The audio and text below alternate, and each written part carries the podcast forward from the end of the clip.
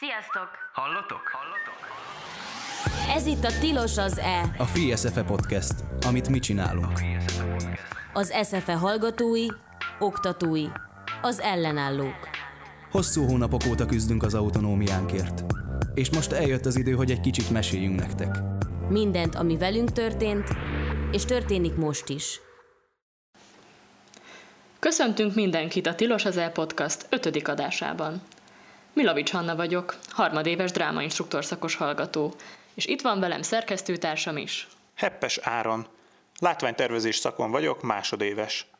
A mai alkalommal befejezzük a múlt heti adásunkban megkezdett tüntetéseinket feldolgozó témát. Ezúttal az október 23-ai felvonulásunkat helyezzük fókuszba, előtte pedig az egyetemi közösség életét jelenleg érintő eseményekről lesz szó.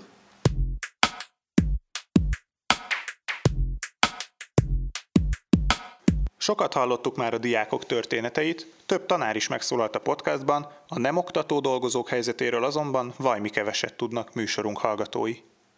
Éppen ezért kérdeztük meg az egyetem két munkatársát arról, hogy miként érintette őket az egyetemfoglalás, hogyan élik meg az őket körülvevő eseményeket és a modellváltást. Ez itt a Tilos az E. A Free SFE Podcast. Hát akármi történik, ez az egyetem, ez már soha nem lesz az, a, ahova én jártam, vagy, a, vagy ami az én korábbi munkahelyem volt. Spirák Klára vagyok, 2015 óta dolgozom a Színház és Filmművészeti Egyetemen, korábban kommunikációs vezetőként voltam jelen, az utóbbi másfél-két évben pedig művészeti menedzserként dolgozom a Színház Intézetben. Én magam is itt végeztem az egyetemen, és nekem mindig az volt a vezérelvem, és az a mottom, hogy, hogy, hogy mi vagyunk a hallgatókért, és nem fordítva. Én mindig a hallgatók érdekeit próbáltam sokkal inkább érvényesíteni a hivatallal szemben. Az egyetemfoglalás számomra egy egészen euforikus élmény volt, és azóta is tanulok belőle.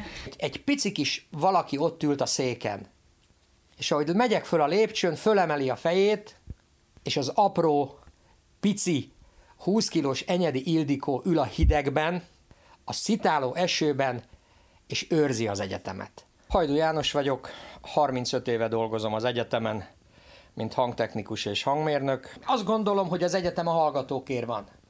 Tehát azért van, hogy a hallgatók tanuljanak. Tehát az, amit csinált ez, a, ez az új alapítvány, hogy megpróbálta ellehetetleníteni az oktatást, megpróbált titeket jóformán kiszorítani az egyetemről, ez, ez szerintem ez, ez, ez, ez, ez az oktatás ellen van. Tehát ez, ez, egyértelműen az egyetem ellen volt, és a hallgatók ellen volt. Ö, amikor azt mondom, hogy nagyon sokat tanultam a, a hallgatóktól, akkor, a, akkor például az, hogy, hogy demokrácia. Tehát, hogy az én korosztályom az nem nőtt bele a demokráciába, mi, ö, mi egyszer csak megszereztük ezt, ezért nem is voltak emlékképeink, nincsenek, nincsenek hagyománya számunkra, és olyan lett, amilyen lett. De itt most én, én megtanulhattam azt hallgatók által, hogy, hogy mi az igazi demokrácia, és, és, és, és lenyűgözve és csodálattal figyeltem az egész folyamatot, azt, hogy, azt, azt hogy, hogy, hogy az emberek partnerei egymásnak. Én megpróbáltam annyira segíteni az oktatást, amikor, tehát ez alatt a blokkád alatt, amennyire én a lehetőségeim szerint tudtam. A blokkád alatt volt, amikor ugye bezártak minden termet, legalábbis megpróbálta az új vezetés ellehetetleníteni az oktatást ezzel a bezárással, és én meg kinyitottam a látványtermet, hogy tudjanak bent órát tartani. Mert mondom, tehát semmi más nem tudok mondani, az e- egy egyetem a hallgatókért van. Egy egyetem azért van, hogy a hallgatók ott tudást szedjenek össze. Azoktól a tanároktól, azoktól a mesterektől, akiket ők választanak. ez a nehéz, rossz helyzet, ez, ez, ez, ez előhozta mindenkiből a tehetséget. Döbbenetes volt a, a, a tévés közvetítés, tehát hogy bele akartam nézni egy picit, hogy megnézem, hogy mi ez, és aztán ott ragadtam, és nem tudtam, nem tudtam levenni a szememet arról, hogy mi zajlik ott, hogy hogy lehet ilyen rövid idő alatt megcsinálni egy ilyen ö, sok helyszínes élő közvetítést, Pláne úgy, hogy én tudom, hogy mi van a Szent Király utcai tévéstúdióban, tehát hogy milyen technikai feltételek között született meg ez az anyag. Produkciókban dolgoztunk, oktatásban kapott pénzért. 100-110 ezer forintos nettó fizetésekért dolgoztunk produkciókba, mint hangmérnök, mint kameratechnikus, mint világosító, nem azért jártunk be az egyetemre, mert, mert, mert nekünk az, az a pénz volt a létszükséglet. Az volt a létszükséglet, hogy naponta bejárjunk az egyetemre. Ott legyünk a hallgatókkal, ott legyünk azokkal a tanárokkal, akik, akik, akik fémjelezték ezt az iskolát. És én nem azt mondom, hogy ez, ez, ez úgy működött, mint, mint, mint a, a karikacsapás, hogy itt minden tökéletes volt az egyetemen. Nagyon nem volt tökéletes. Az a stúdió, ami ott volt len, az mindenre alkalmas, csak arra az oktatásra nem, amit ott kéne tartani. De nem az a megoldás, hogy megszüntetük mindent. Ráadásul olyan emberekkel, akiknek lövésük nincs az oktatásról. Egy darabig, egy darabig még ugye bejártunk az épületbe, november 11-e után is, de egy idő után kaptunk egy olyan határozatot, hogy a munkatársak is csak engedéllyel, előzetes engedéllyel, tehát kancellár helyettesi engedéllyel mehetnek be, és akkor levelet kellett írni, hogyha be akartunk menni, indokolni azt, hogy miért van bent dolgom, mert ugye minket home office-ba küldtek, és, és nem léphettünk be az épületbe. Semmi nincs, nem, nem, nem, ad, nem semmilyenféle, semmilyen információt nem kapunk, vagy csak nagyon-nagyon csepegtetve. Terelés van, senki nem tud semmit. Nem az a cél, hogy elinduljon az egyetem, hanem az a cél, hogy el legyen lehetetlenítve. Semmi más. Kértem, hogy mutassák meg, engedjenek oda a Duna TV-be, nézzük meg, hogy hol lesz az oktatás. Február másodikától, ami szerintem egy, egy agyrém, mert nem lehet február másodikán ott filmes oktatást elindítani, mert nincs rá idő. Tehát a, a, egy stúdiót nem lehet ennyi adat föléleszteni. És akkor azt mondták, hogy hát még oda nem lehet menni. Hát de mondom, akkor hogy költözzünk? Hát én még olyan költözést nem láttam, ahol nem tudom, hogy hova fogok költözni. Tehát én nem akarok ezekkel együtt dolgozni. Csak én egy nagyon-nagyon kiszolgáltatott helyzetben vagyok, mert én nekem két év, én két év múlva mennék nyugdíjba. Nem tudom, hogy mi lesz, azt tudom, hogy velünk nem beszélgettek még az új vezetés tagjai, tehát sem bemutatkozáson nem vettünk részt, sem semmiféle megkeresés nem érkezett irányunkba. A színházi terület egyik tagját sem kereste meg senki. Úgyhogy kíváncsian várjuk, hogy mikor történik ez meg, és hogy akkor mi lesz a kérdés, hogy mit, mi, mi a tervük velünk, mit szeretnének, vagy mi mit szeretnénk, vagy tudunk-e együtt dolgozni. Ilyenekre nem tudok választ, hiszen nem történt meg semmiféle megkeresés még. Kérdés, hogy tényleg, hogyha egyszer leülnek velünk beszélgetni, akkor milyen ajánlatot tesznek, és itt most nem az anyagiakra gondolok, hogy, hogy akkor fog eldőlni, hogy tudunk-e maradni, vagy föl kell állni. A vágyálom az, a, az, egy, az, egy, az egy olyan szellemiségű egyetemen, színművészeti egyetemen való munka, amilyen szellemiségben most ez az egyetemfoglalás, és az azóta a virtuális térben zajló egyetemfoglalás zajlik. Tehát egy, egy olyan közegben, egy olyan egyetemen nagyon klassz lenne dolgozni. Ez itt a Tilos az E, a Free SFE Podcast. Minden, ami velünk történt, és történik most is.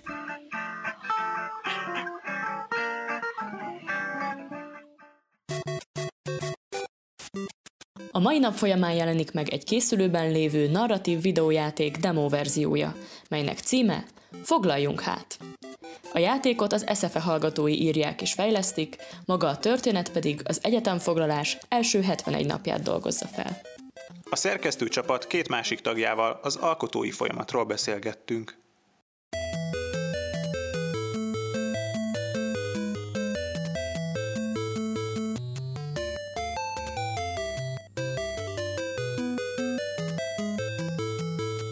Sziasztok, Cseke Tamás vagyok, a Marosvásárhelyi Művészeti Egyetemről Erasmusoztam ide egy fél évet.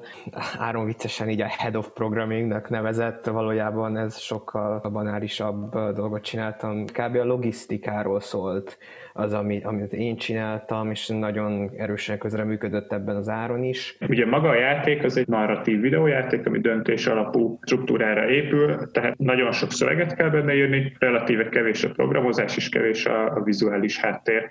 Bíró Zsambor Aurel vagyok, a filmíró szakon tanulok, és hát mi nekünk az egész osztályunk már néhány hete, hónapja a német Gábor tanár úr írásgyakorlat óráján a játék szövegeivel foglalkoztunk tulajdonképpen. Hát e- ez volt az egyik ilyen első kérdés, amit így el kellett dönteni, hogy mivel gyakorlatilag az egész játék az prózaszerű szövegekből áll, ezért, hogy akarunk egységes stílusirányt, vagy hagyjuk meg azt, hogy minden író úgy írja meg ezeket a szövegeket, ahogy a saját hangja diktálja. A kijött játék ugye nem az egész foglalás időszakát fedi le, hanem még annak csak egy demo verziója, de ennek is volt egy még félkész változata, amit a fórumon az ellenálló előtt prezentáltunk, és akkor itt volt egy ilyen feedback kör, amikor vissza tudtak jelezni arról, hogy ki hogyan fejleszteni tovább a játékot, és akkor ez alapján döntöttünk úgy, hogy végül megpróbáljuk egy stílus alá vinni az egészet. Hát kevésbé az írással, inkább a programozás részével foglalkozunk így az utóbbi időben. Valójában ez kb. csapatmunka, nagyon-nagyon-nagyon függ mindenki a másiktól. Ez az egész játékötlet abból indult, hogy én akartam volna csinálni egyfajta interaktív naplót igazából az eseményekről, mert hogy annyi inger ért minket, hogy ezt a nagyon sok döntést, amit egy nap vagy egy adott időszak alatt el kellett dönteni egy embernek, nagyon érdekesen lehetett valamiféle interaktív platformot csinálni, úgyhogy innen indult maga ez a narratív videójáték ötlet, és azért is volt alkalmas, mert hogy relatíve kevés programozási háttérismeret kell hozzá, ami a színművészeti szerintem nincs meg olyan kellően erősen, mint az írói rész. Ami még egy szövegszerkesztési ilyen nehézség volt, vagy nagy meló, az az, az expozíciónak a kérdése, hogy ugye hát nyilván az a lényeg, hogy átélhető legyen tulajdonképpen az egyetemfoglalás élményének egy része, vagy az élmény maga egy olyan játékosnak, aki amúgy nem vett részt az egyetemfoglalásban, tehát hogy nem saját magunknak akartuk ezt a játékot így össze, összedobni, és hát hogy ebben megtalálni a balanszot, hogy, hogy mi az, ami érthető, vagy az, ami csak nekünk vicces, és akkor nyilván ezeket írtani ami esetleg az értelmen kívüli embereknek, a játékosoknak nem mond semmit meg ehhez kapcsolódva azt mondanám, hogy nagyon-nagyon meg kellett találni azt, hogy mennyi férhet bele a valóságból, mennyire térhetünk el a valóságtól, hogy mennyire konkrétan jelenhetnek meg közülünk nevek, emberek, személyek, mert hát rajtunk kívül nem igazán ismertek, és el akartuk kerülni azt, hogy úgy tűnjön, mintha 10-15 ember lenne ennek az egésznek a részesek, holott több százan voltunk, de hát mégse tudunk több száz embert beemelni ebbe a játékba, mert egyszerűen lehetetlen írói feladat lenne. Szóval igyekeztünk egy kissé általánosítani, de úgy, hogy közben megmaradjanak a szereplőknek és a főszereplőnek a dramaturgiai íve, hogy valódi is legyen, közben a mi tapasztalásainkra is reflektáljon a videójáték.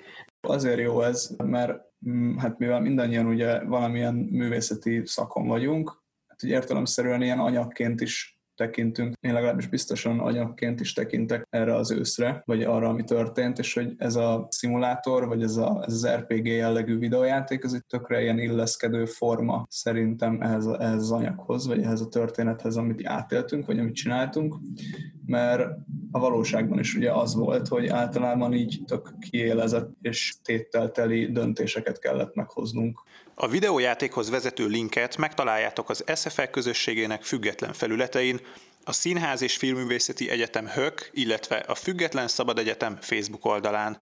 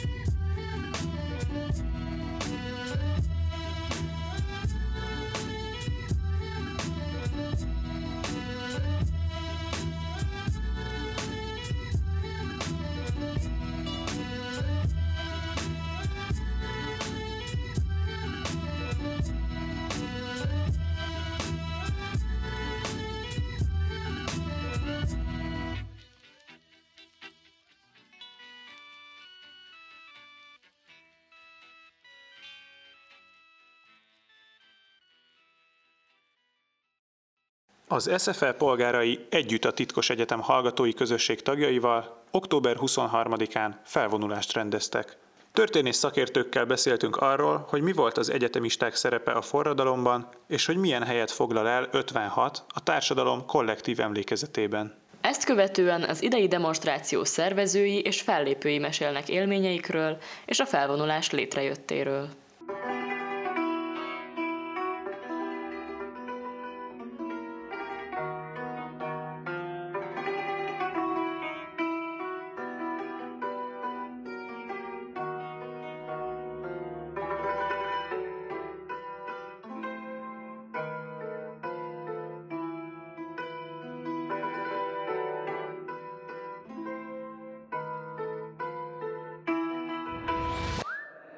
Itt a Tilos az E, a Free SFE Podcast. Minden, ami velünk történt, és történik most is. Rainer M. János történészt és egyetemi tanárt, valamint Mink András történész, a Blinken OSA archívum kutatóját kérdeztük.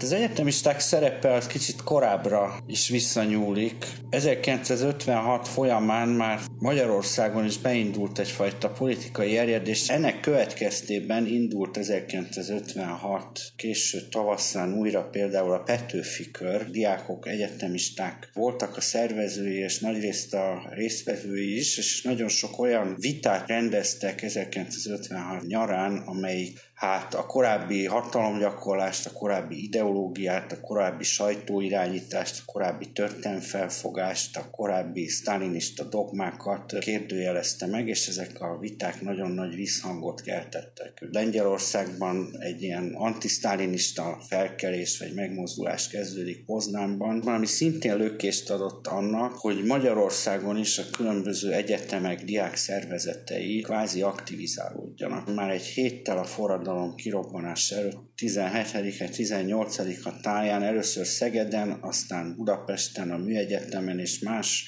egyetemeken is elfogadták ugye az egyetemisták és főiskolások pontjait, formába öntötték azokat a politikai követeléseket, reform követeléseket, amelyeket a pártvezetésnek intéztek, és október 23-án tulajdonképpen ezekkel a programpontokkal, ezekkel a követelésekkel akart fölvonulni, vagy vonult föl nagyrészt az egyetemi diákság Budapesten, ami az aztán utána nagyon gyorsan, nagyon sokan csatlakoztak a városból, és így dagadt ez egy ilyen több mint százezres tüntetésé. Tehát ez egy alapvetően egy békés reformokat követelő tüntetés volt, és hát ennek a valóban ennek a hátterében a legnagyobb és legfontosabb erő az, az egyetemi diákság volt, ahogy utaltam rá, nem csak a budapesti, hanem Szegeden és más egyetemi városokban is voltak hasonló mozgolódások.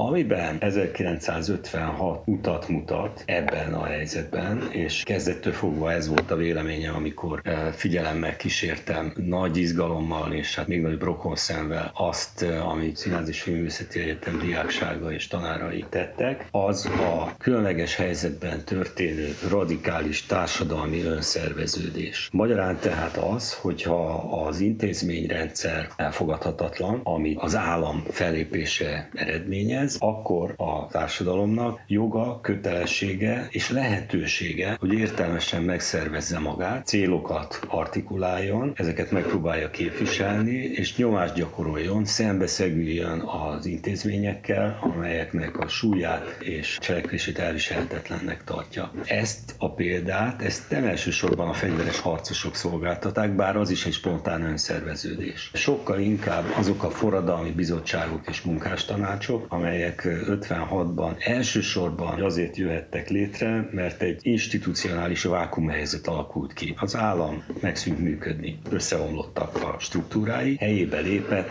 a saját magát megszervező társadalom, amelyek pillanatok alatt választottak ki bázisdemokratikus eljárásokkal a saját vezetőit, ezeknek felhatalmazásokat adott, azokat folyamatosan ellenőrzés alatt tartottak, hogyha nem tetszett a működése, akkor leváltották az oda delegált embereket, és így tovább, és így tovább. Mindez tüneményes gyorsasággal, napok, órák alatt. Ez valóban példaszerű. 89 után általános volt a meggyőződés, hogy 1956 tanúságai közül, ha valami nem érvényes, akkor az a bázis demokrácia. Szabó Miklós történész, aki az egykori demokratikus ellenzék aktivistája volt, majd aztán 1990 után liberális parlamenti képviselő azt mondta, hogy ez a bázis demokrácia kizárólag rendkívüli helyzetekben életképes, és ahogy fogalmazott, amikor a rendkívüli helyzet elmúlik, az aktivisták visszatérnek a munkapadokhoz. Ez többé-kevésbé meggyőződésé vált. Na most 2020 szeptembere az egyetemfoglalás az bizony azt mutatta, hogy de, lehet szükség, tehát egy formailag demokratikus rendszerben is előállhat olyan helyzet, amikor ilyen eszközökhöz kell, lehet nyúlni, és mindez meglepően tartósnak és meglepően sikeresnek bizonyult.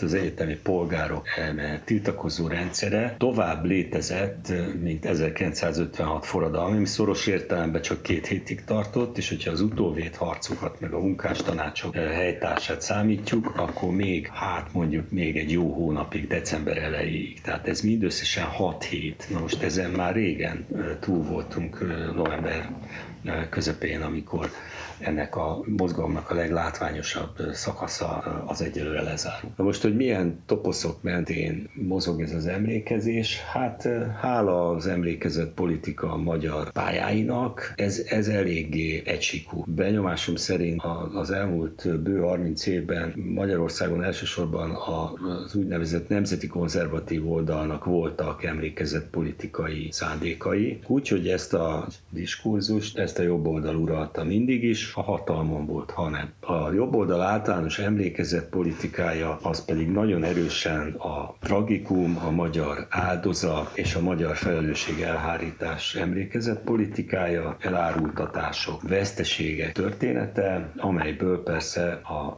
nemzet mindig Kievickél leginkább avatott vezetői irányításával. És 1956-nak is ez a története, amit én úgy szoktam nevezni, hogy ez a november 4-e történet. A vereség, a fegyveres leveretés, a hiába való erőfeszítés, a tragikus bukás története, ami kétségkívül egy lehetséges történet. Én azt mondanám, ha emlékezett politikus lennék, ami szerencsére nem vagyok, hogy 1956-nak egy csomó története van, a november 4-e történetnek pedig van egy óriási alternatívája. Ez az október 23-a történet. Egészen addig a pillanatig, amíg el nem dördül az első lövés. Az a magyar forradalom igazi arca. De ez az arc, ez nem tragikus arc, hanem ez a világ történelem egyik legnagyobb diákcsínye. Két-három nap alatt több tízezer egyetemista az akkori idők kommunikációs eszközeivel megszervezi magát, kimennek az utcára, és a követeléseiknek nyilvánosságot akarnak szerezni. Az október 23-a történet az egy szabadságünnep. Kétségtelen, hogy ez nem a magyar ünnepkultúra, ami mindig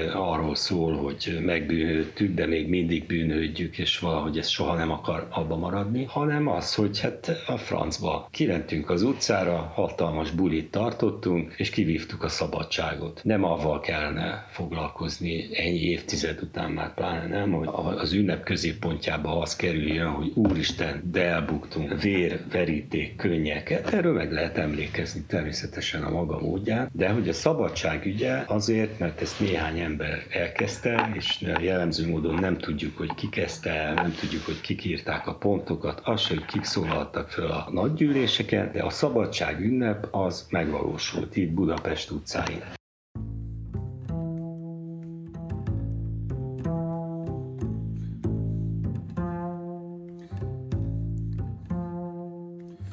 Ez itt a Tilos az E, a Free SFE Podcast.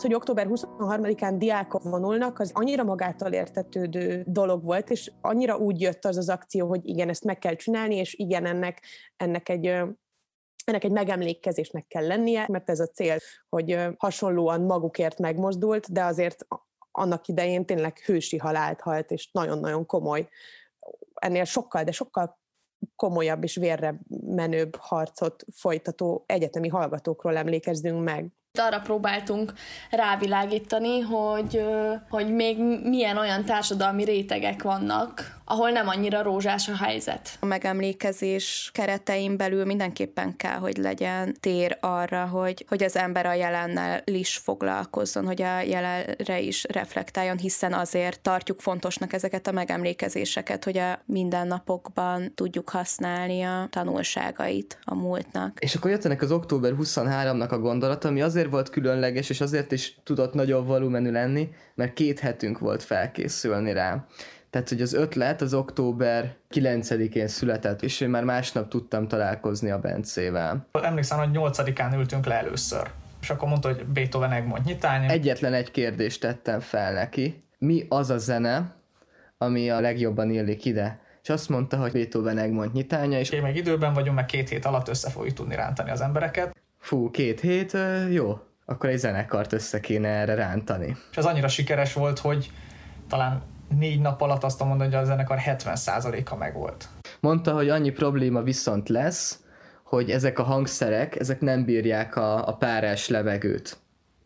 Ebben szerintem én voltam egy kicsit a, a hiszt is, és azért akkor már hűvös volt, és akkor én mondtam, hogy mindenképpen beltér. Én bent aludtam akkor a hevesi teremben, és én nagyon féltem, hogy bezárják, mert az egyetlen hely volt, ahol ez meg tudott szólalni. Előző este ott tartottuk a kis megbeszélésünket abban a teremben és, és akkor ugye ott így már be volt rendezve nagyjából a, a zenészeknek a helye, kétszer vissza is kérdeztem a Sándortól, hogy de mondom, ez azt jelenti, hogy ezek a srácok itt fognak bent játszani, és mi azt kint hallani fogjuk a színpadon. Ebben az egész akcióban a Súlyok Hanna volt a, hát konkrétan gyártásvezetőről lehet ez esetben beszélni. Hát mind, mindent elintézett igazából. Minek után nem vagyunk tapasztaltak a rendezvényszervezésben, amiatt inkább ilyen forgatásos struktúrában dolgoztunk. A színpad, a LED fal, a beduplázott hangosítás az asztóriáig. És annyira fantasztikus volt a hangosítás, és mindenki mondta, hogy fú, hát koncerttermi élmény volt egy, egy utcán.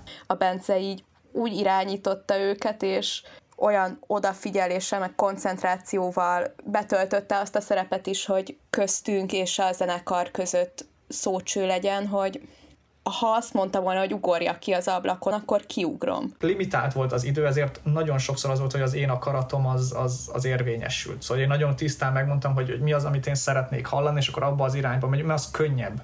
Hát ez kevesebb, mint, mint 7 óra alatt nekem ebből össze kellett rántani egy, egy jól működő együttest, akik tudnak együtt zenélni, együtt lélegezni, figyelni egymásra, és ez volt inkább a nehéz illetve ami még így az egész volumenét meg tudta lökni, az az volt, hogy ez a Titkos Egyetem nevű szerveződés, ami így ebből a Free SFL dologból nőtte ki magát, és egy ilyen összegyetemi összefogás lett, ők vállalták magának az odavonulásnak a megszervezését. Volt egy lánya Mira, és ő vette fel velünk a kapcsolatot, hogy hogy jött neki egy ilyen ötlete, hogy ez tök menő lenne, hogyha megcsinálnánk az útvonalát az 56-os tüntetéseknek lekövetnénk valahogyan az útvonalát.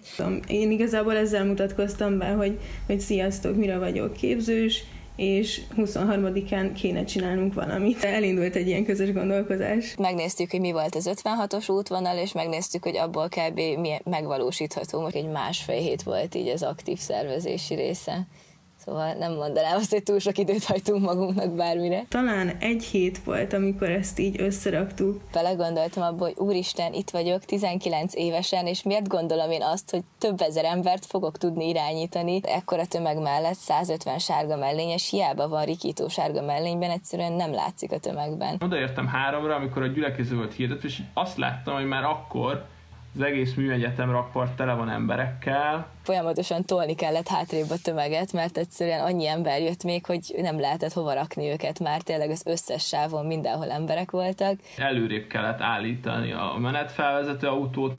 hát nem mondom, hogy könnyű volt elindítani, mert tényleg az volt, hogy annyi ember volt, hogy bementek az autó elé, szóval onnan az autót kibányászni, az egy, hát szerintem fél óra volt önmagában. És akkor beálltunk oda a menet elejére, és emlékszem, hogy annyira jó érzés volt csak így csendesen jönni ott és átélni. Ez a fáradtság így egyből elmúlik, amit azért az a rákészülés okozott az előtte lévő pár napban. Az, hogy egy ilyen 30 ezres tömeg mennyi alatt sétálja le ezt a távot, ez kicsit azért olyan lutri. Tehát, hogy az ott, hogy negyed hét előtt nem érhetünk oda, mert a Sándordék nem lesznek még addigra készen. Se a próbával, se a színpadosok a bálása. És, és én ugye előről beírtam a kis csoportba azt, hogy hát mi így beértünk a Ferenciek terére, ti hol vagytok és a végén levő kísérő akkor írta be azt, hogy most értek át a Szabadsághídon. Ilyen hasraütésre mondtuk, hogy fú, túl sokan vagyunk, nem fogunk elférni, akkor inkább álljunk meg ott. De hogy tényleg olyan sok ember volt, hogy amikor március 15-e térre ért az eleje, és már föltöltötte egészen az Erzsébet hídig, még akkor is azt mondták a tömeg végéről a rendőrök, hogy még, még vannak, akik a, a, a Szabadsághídnak a budai oldalán vannak közben folyamatosan kommunikálni a között, hogy a színpadon ugye mikor kezdjék el a műsort, mert nyilván amiatt, hogy mi csúsztunk, akkor ők is csúsznak, akkor nem kezdhetik el addig. Akkora volt a tömeg, hogy ez egy ilyen iszonyatosan nagy pillanat volt, amikor valaki belőtte oda a színpad hátuljára élőben azt, ahogy csak jön és jön és jönnek az emberek át a hídon, de még mindig ott próbáltunk a színpadon. Szóval, ja, mire meggyújtottuk ott a fákjákat, és lement ez a beszéd, addigra nagyjából így, így, így beért annyira a tömeg, hogy utána már egy ilyen szép lassú tempóban uh, tudtunk tovább menni az Urániáig, úgyhogy kb. addigra már látszott, hogy ilyen negyed hét, fél hétre fogunk odaérni. Szóval végül tök jó lett. És akkor már láttuk a tömegnek az elejét, amikor még nagyon gyorsan kellett egy próbát tolnunk. Én tényleg így imádkoztam, hogy még egy kicsit legyen hűvös is és essen is, hogy még az is valahogy így hozzáadjon ehhez a hangulathoz. Ennek az ember tömegnek tüzet fogunk adni a kezébe, szó szerint ami azért egy ilyen jó nagy felelősség. Akkor végül is a fákjatartót azt elengedtük, mert kitaláltuk, hogy hát a jó öreg gyors kötöző az megold ugye minden problémát. Az egész egyetemfoglalás megoldotta a, a gyors, gyors kötöző. Szerintem a Vas utcát azt tartja össze. És hogy jöttek fákjákkal néma csöndben, hátul közben így a, egy Robert Wilson-t megszégyenítő ilyen operafóliás játék így, a, így az égen, tehát hogy így szépen így narancssárga kék így, így húzódott le. Az a nagy tömeg, ahogy így beérkezik a fákjákkal, és elindul a nyitány. És, és ez olyan volt tényleg, mint egy, mint egy színházi előadás nekem. Az volt a leghamarabb megálmodott pont, hogy az Egmont nyitány hogyan fog majd megszólalni, miközben bevonul a tömeg. Tehát leszakad az ember arca, ha élőben meghallja ezt. Valahogy a Pannival sétáltunk, és így egyre néztünk, és akkor így volt egy pillanat, amikor így azt éreztem, hogy na jó, végülis akkor most csináltunk valamit az szerintem egyik legfolyamatosebb dolog volt a világon, amit én valaha láttam, hogy néma csöndben egy tömeg fákjákkal, és csak jön. Az, hogy én lehettem ennek a karmestere, azért ez, ez szerintem így a karrieremnek egy, egy nagyon-nagyon fontos sarokpontja lesz majd, hogyha én visszagondolok. Amikor, amikor megszólaltak a hegedűk, meg lement az Egmond nyitány, ez egy ilyen idegrázós dolog volt. Volt egy pont, miatt még belefut az egész darab ebbe a nagyon heves forradalmi részbe, ott van egy kis megállás, és akkor emlékszem, hogy megállt a kezem, és, és hallgattam, hogy mi történik, és néma csönd volt. Lehetett hallani, hogy néma csönd van az utcán. Na most az, most is érzem, hogy így kiráz a hideg.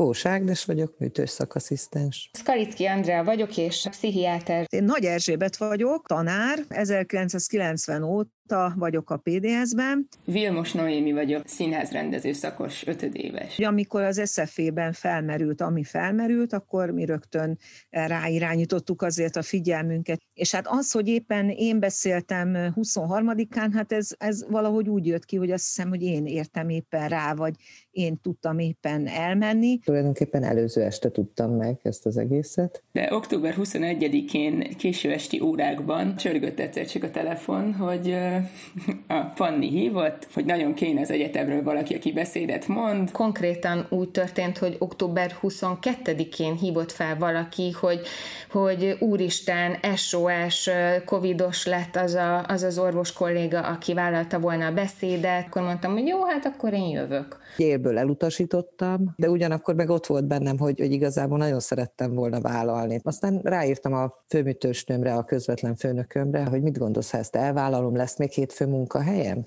Hát azt mondta, reméli, hogy még ennyi véleménynyilvánítási szabadságunk van, ahogyha a hőt meg tud védeni, akkor megvéd. És akkor mondtam, hogy na jó, akkor én elvállalom meg nem is vagyok Magyarországon alkalmazotti jogviszonyban. Bennem nem működtek olyan személyes félelmek, mint ami esetleg sokakban felmerült. Úgyhogy ezt egy lyukas órába gyorsan összedobtam ezt a, a beszédet. Hát azt éreztem, hogy valami formát ennek keresni kell, ami amitől egyel frappánsabb lesz. Egy, emeljük egy kicsit a tétet. Úgyhogy azt gondoltam én éjfél körül, hogy akkor címezzük Orbán Viktornak ezt a beszédet hát ha meghallja. Dolgoztam hajnalig, az a lényeg az, hogy volt két órám, hogy megírjam ezt az egészet. Ezzel a svunggal írtam ott éjszaka egy szöveget. Én azt gondoltam, hogy fontos egy határozott fellépés, de semmiképpen nem akartam az indulatokkal játszani. Hát az az Ódri színpados izé, az meg, hát az nekem külön buli volt, az nagyon érdekes volt. De mi kitaláltuk azt, hogy valahogy próbálni kell velük előtte. Akkor legyen az Antal Bálint az, aki egy kicsit segít ebben az egészben. Lukács Luca keresett meg, na hát aznap reggel megkaptam ezeket a szövegeket, és elég jók voltak. Úgyhogy azt találtam ki, hogy menjünk be az Ódrira. Ami most rögtön eszembe jut, ez a sötétség. Tehát, hogy milyen, milyen elképesztő sötétség volt ott az Ódri színpadon. Akkor szembesültünk azzal, hogy Szarka Gábor áramszünetet rendelt el az Ódri színpadra, és akkor ott a sötétben elkezdtük próbálni ezeket a szövegeket. Csak így, így lestem furán ki a fejemből, mikor bementem oda az Ódri színpadra, ahol én már úgy jártam párszor, hogy Jézus Mária, mi, én oda másszak fel, hogy ott ül pár ember a viszonylag sötét nézőtéren, meg egy kutya. Ültünk a Lucával az első sorban középen, két sorral mögöttünk a Panni, meg a Tito. A kiskutyám. Hát, hogy itt most nem is az lesz a fontos, hogy én mit mondok, hanem hogy megismerkednek egymással, megismerkednek velünk az elfoglalt Ódri színpadon, ami ugye addigra már a visszafoglalt Ódri színpad volt. Ott hallott az ember először a hangját, én legalábbis mikrofonba, és akkor egyszer elmondtuk, és akkor azt mondták, hogy tulajdonképpen jó lesz. Egy-két ilyen tanácsot adott, azt hiszem a Bálint. És azt láttam, hogy, hogy egymást hallgatják, leginkább az adott talán a legtöbb erőt. Kimentünk, és akkor ott szembe volt egy rétesező, azt oda beültünk a Skalicki Andival, és akkor beszélgettünk, akkor ismertük meg egymást. Én úgy emlékszem, hogy szerintem az egész időt azt én Ágival töltöttem. Nem jutott eszembe ez a gondolat, hogy úristen, itt most öt ember lesz, vagy ötezer ember lesz. Nem, nem jutott eszembe. De tulajdonképpen, hogyha így, a, hogyha így kint állsz és beszélsz, akkor a néhány száz, meg a nem tudom én hány tízezer között szerintem semmi különbség nincs. És hát utána közben ránéztünk a közvetítésre, hogy na mi van merre van a menet. Ő volt ez, aki nagyon aktívan rajta lógott a neten, ő közvetítette számomra az eseményeket, és mutogatta a telefonján, hogy akkor most hányan jönnek. Igazából szerintem én azt nem tudtam felmérni, meg nem, tehát azt, hogy, hogy jönnek, azt már hallottuk, igen. Én megmondom őszintén, én addigra már annyira be voltam meglámpaláz, meg idegeskedés, hogy úristen, mi lesz. Hát ez egy nagyon durva katarzis volt, hogy tényleg ott az első sorral ott beérni, és látni, hogy, hogy ma ott van mindenki, meg lógnak ki az uránia ablakaiból a többiek. Hát a, a, amikor meg az Egmond nyitány, az nagyon klassz volt. Tehát akkor, akkor már szembesültünk, hogy ott égtek a fákják az első sorokba. A független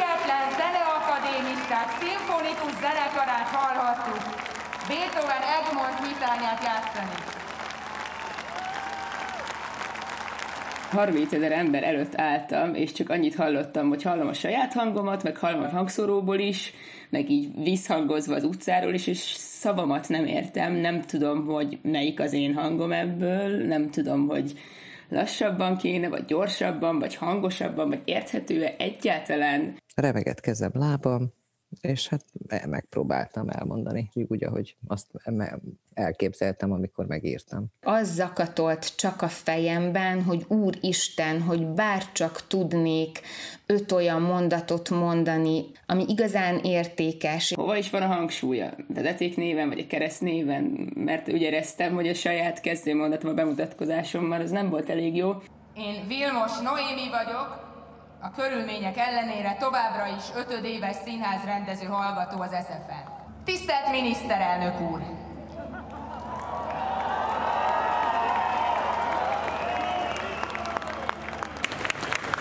Ma október 23-án írunk. Ez a dátum nagyon fontos ennek az országnak az életében. Legalábbis szeretném azt hinni, hogy fontos, mert egy fontos üzenetet hordoz mindannyiunk számára. Számomra annak a szimbóluma is ez a dátum, hogy érdemes felszólalni, tenni és cselekedni olyan jogokért, amelyek nélkül nem élhető egy emberi társadalom. Amiért az SZFE mellé álltunk, annak oka nem pusztán a szolidaritás, Szakszervezetként ez kötelességünk is, hiszen jelen vagyunk a felsőoktatásban, így az eszefén is, de a legfőbb indok az, hogy egy hajóban ugyanazzal a széllel szemben hajózunk. Hol a segítség, hol egy kapaszkodó, ki tart meg minket? Emeljük hát végre fel a fejünk, emeljük fel a szívünk, és emeljük fel a kezünk, mert egyenként eltaposhatnak, de együtt erősek vagyunk.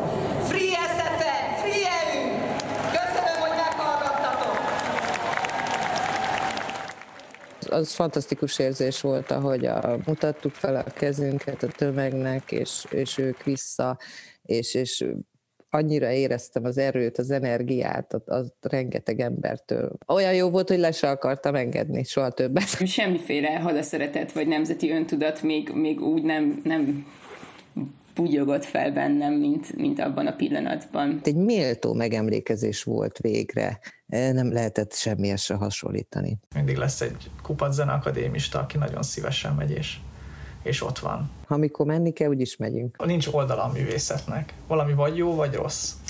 És nem szabad elnyomni. Azért, mert az egyikről azt gondolom, hogy az, az jobb. Nincsen jobb művészet. Csak szabad művészetről szabad beszélni, aminek folyást kell engedni. Hogyha nem, akkor az úgyis meg fogja találni az útját. Ne ámítsuk magunkat azzal, hogy, hogy ezt lehet kontroll alatt tartani.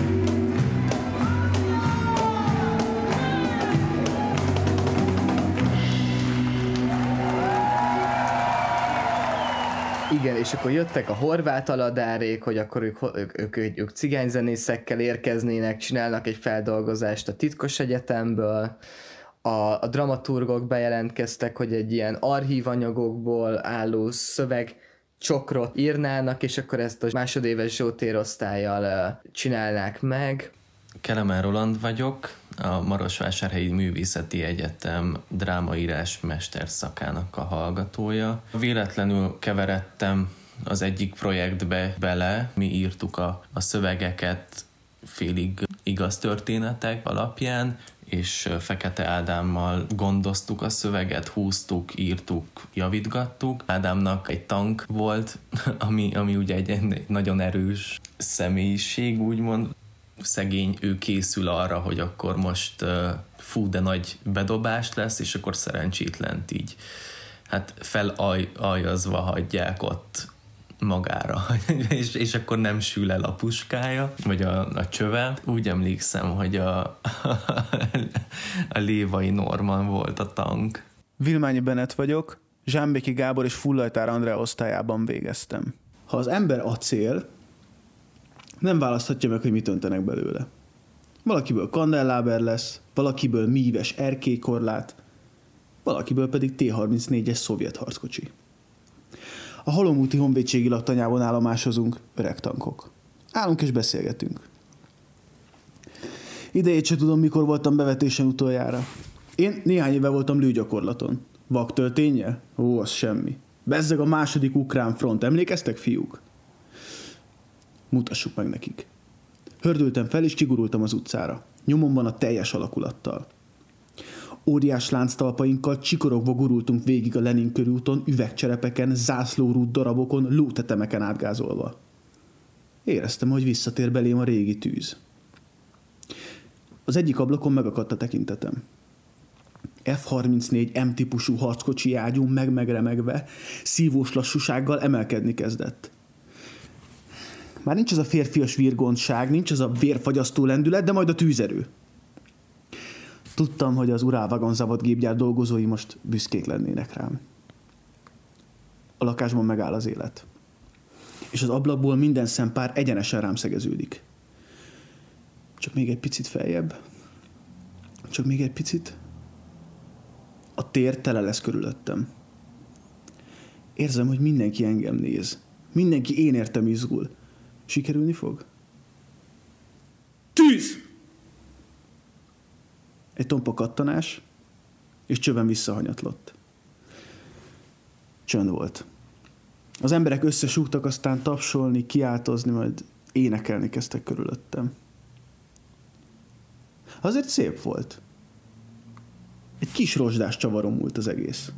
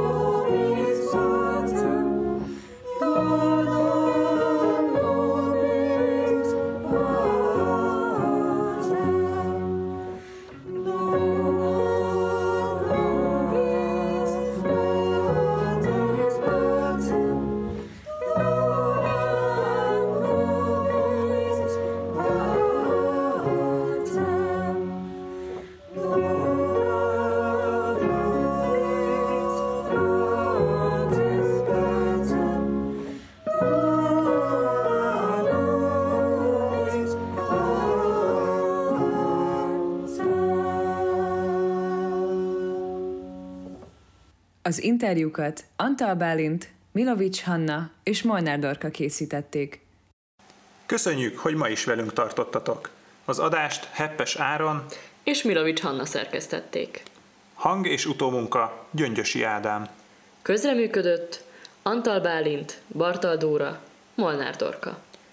Köszönet a Tilos az E munkacsoport minden tagjának, a dokumentumfilmes munkacsoportnak és a Tilos Rádiónak. Sziustok! Csőzet. Hey, hey, hey, hey, hey, hey,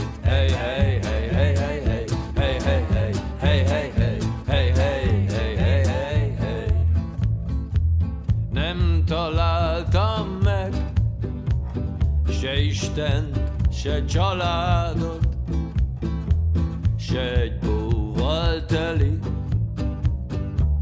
Igaz barát